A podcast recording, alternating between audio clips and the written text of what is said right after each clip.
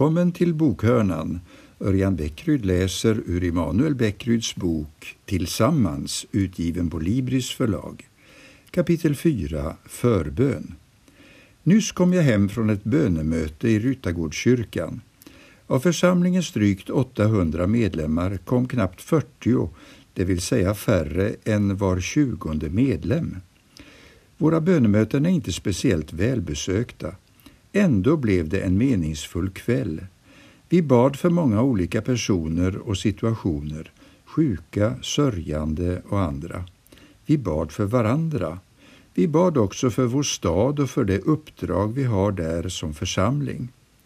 Man kan naturligtvis fråga sig vad det spelar för roll att 40 personer knäpper sina händer tillsammans och ber under en dryg timma. Kan man inte göra något mer effektivt, mer konkret, mer konstruktivt? Är det verkligen nödvändigt att be för andra? I vår församling vill vi ständigt påminna varandra om att förbönen är mer meningsfull än vi ibland förstår och anar. Att Gud hör bön är en grundläggande kristen övertygelse. Våra böner är en av de saker som verkligen spelar roll när Fadern på ett förunderligt sätt styr frälsningshistorien mot sitt slutmål. Gud låter oss vara medskapare i sitt framtidsarbete genom våra förböner. Det innebär inte en begränsning av hans allmakt utan ytterligare en fantastisk dimension av den. Detta kapitel handlar dock inte om att försöka bena upp de olika intellektuella aspekterna av förbönens mysterium. Mitt syfte är mer praktiskt. Jag önskar att din motivation att vara en förebedjare ska öka av att läsa detta. Jag hoppas också att din öppenhet för att ta emot och be om förbön ska öka. Vi börjar med tre viktiga saker om förbön. Förbön är en viktig arbetsuppgift. När aposteln Jakob skriver att ni kämpar och strider men har inget känns det som en träffande beskrivning av mycket i våra kyrkor. Vi strävar mycket och har mycket verksamhet men ser magra resultat. Vi gör vårt bästa bara för att till slut bittert konstatera att vi arbetat förgäves. Det blev inte som vi hoppades. Resultaten uteblev och de stora drömmarna grusades. Kvar står besvikelsens monument, stort som en katedral och vi frestas kapitulera inför den. Vad är poängen med att anstränga sig om det ändå inte blir någon förändring, undrar många kristna. Vi kanske istället ska lägga vår tid och energi på något bättre. Men när Jakob skriver att de kristna kämpar men har inget, fortsätter han i samma andetag, därför att ni inte ber. Här har vi skälet till varför allt vårt görande alltför ofta är sterilt eller tungt. Vi har helt enkelt slarvat med förberedelserna och då med det viktigaste av allt, bön. Vi har inte förankrat våra verksamheter i bönens djupa mylla. Om vårt arbete för Guds rike inte är laddat med förbön har det lika mycket eldkraft som en knallpulverpistol. Det kanske låter lite när man fyrar av, men effekten är minimal. Förbön är det viktigaste arbetet i allt vad kyrkan gör. Om vi slarvar med det är allt annat förgäves. Så här uttrycker Paulus det i ett brev till församlingen i Kolossai angående sin medarbetare Epafras som just anlänt från Kolossai. Hälsningar från Epafras, som ju är en av er. Han tjänar Kristus Jesus och kämpar alltid för er i sina böner för att ni ska stå fasta och vara fullkomliga och helt uppfyllda av Guds vilja. Jag kan vittna om hur han arbetar för er och för dem i Laodikeia och Hierapolis. Här ser vi att förbön inte bara är en fin gest utan ett nödvändigt arbete. Därför är det en arbetsuppgift som vi måste ta på allvar. Paulus säger att Epafras kämpar i bönen för församlingen, att han arbetar för den genom att be. Förbön är en viktig tjänst i församlingen. Den är inte alltid rolig och lätt, men den måste utföras. I vår aktivistiska tid är det lätt hänt att vi nedvärderar bön. Vi förleds att tro att vi inte gör något när vi ber. I omvärldens ögon är förbön motsatsen till effektivitet. Att knäppa sina händer och be till Gud ses knappast ens som ett arbete. Men Guds rike är ett annorlunda rike och det som i världens ögon ser som mest ineffektivt ut är det mest väsentliga man kan ägna sig åt. Förbön har med kärlek att göra. Det är med förbön som med motion. De som pratar om den är flera än de som praktiserar. För att motionera regelbundet krävs en viss disciplin, precis som det krävs en viss disciplin för att vara en förebedjare. Förbön kan ses som en form av andlig motion för vår nästas bästa. Det är som om man springer för att öka en annans kondition, inte ens egen. Förbön är en form av osjälvisk träning i det kristna livet. Vi lyfter fram någon annans behov inför Gud. Förbön har alltså med kärlek att göra. Den som älskar ber. Kristna föräldrar vet detta. Finns det något som är mera självklart än att be för sitt barn? Man älskar sitt barn, alltså ber man för det. På samma sätt är det med den kristna församlingen man tillhör. Om man älskar den ber man för den. Och så är det på område efter område i livet. Man kan se på förbönen som ett slags termometer för vår kärlek.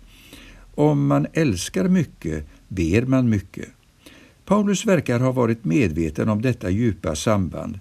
När han ber för församlingen i Rom om förbön skriver han för vår Herre Jesu Kristi skull och för den kärleks skull som Anden ger uppmanar jag er att bistå mig i min kamp genom att be till Gud för mig.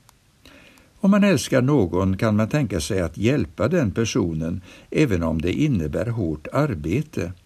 Om vi älskar räds vi inte att ta upp de tunga hantlarna för att motionera inför Guds tron. Hantlarna må kännas för tunga ibland, men det bryr vi oss inte så mycket om. Eftersom vi älskar drar vi oss inte för att hålla ut i förbönens tjänst. Förbön är ett tecken på ödmjukhet. I själva akten att be finns indirekt bekännelsen att utan Gud är alla våra ansträngningar förgäves. När vi ber uttrycker vi alltså vår ödmjukhet. Vi visar att vi behöver Gud, att vi inte klarar oss på egen hand. På så sätt är förbön ett erkännande av att det är Gud vi litar på och låter få sista ordet. I förbönen sätter vi bokstavligen ord på vår fattigdom och begränsning. Gud, vi klarar inte det här själva. Hjälp oss. Det gäller såväl när vi ger som när vi tar emot förbön. Förbön är som att hissa ett segel. Andens vind blåser hela tiden. Guds kraft finns tillgänglig för oss, men seglet måste hissas, annars kommer vi ingen vart. Vad är det som driver segelbåtar framåt? Vinden. Ingen vettig människa hissar seglet för att han eller hon tror att man själv ska blåsa på det och på så sätt få båten i rörelse. Tänk dig någon som hissar seglet och sedan ställer sig och blåser mot det och säger Åh, vilken stark blåst jag åstadkommer. Nej, vinden kommer inte från våra lungor utan från Gud. Så är det för både segelbåtar och förbön. När vi ber är det Guds andes vind som blåser, inte vi. När vi ber händer det saker och ting, inte beroende på vår lungkapacitet utan på grund av Guds nåd. När vi ber för olika saker gör vi det alltså utifrån vetskapen att det är för det första ett viktigt arbete i Guds rike, som för det andra uttrycker kärlek till församling och enskilda personer och för det tredje uttrycker ödmjukhet inför en Gud som vi inte kan tvinga men som vi frimodigt kan komma till med våra önskemål. En stående inbjudan till förbön. Förbön är inte bara en gåva som är viktig att ge för andras skull. Det är en gåva som också är viktig att ta emot för egen del. I Ryttargårdskyrkan har vi varje gudstjänst en inbjudan till personlig förbön. Vem som helst får komma till någon av våra förebedjare med vilket behov som helst och få förbön. Man säger så mycket som man själv vill. En del säger bara ”be för mig”. Det räcker. I förbönstunden ställs inga krav, utan här ges möjligheter. Ibland upplever någon att Gud har talat på ett speciellt sätt under gudstjänsten, till exempel genom en predikan eller genom ett profetiskt ord. Att be om förbön är ett sätt att ge sitt gensvar till detta. Man uttrycker i en yttre handling det man upplevt inombords. Att sätta sig i rörelse, att ta sig från sin plats till en förebedjare är som en pilgrimsvandring i miniatyr. Jag förflyttar mig till ett annat ställe i hopp om att där få ett heligt möte med Gud. Man kan fråga sig varför så få tar tillfället i akt att ställa sig i centrum för det kraftfält som en förbönstund utgör. Det går inte att komma ifrån att många av oss ser det som svaghet att be om förbön. Vi tror att det är de som har problem som går fram till förbönsplatsen i kyrkan.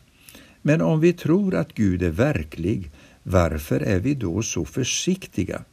Varför ber vi så sällan om förbön? Kan det vara för att vi helst av allt vill klara oss själva eller att vi är rädda för alla andra, vad de ska tycka? Om så är fallet är det vi som tänker så som har problem, inte det som faktiskt söker sig fram. Böneblommor Ytterligare en aspekt när det gäller frågan om förbön är problemet med uteblivna bönesvar. Någon har kanske kämpat i bön i åratal för en viss fråga utan framgång.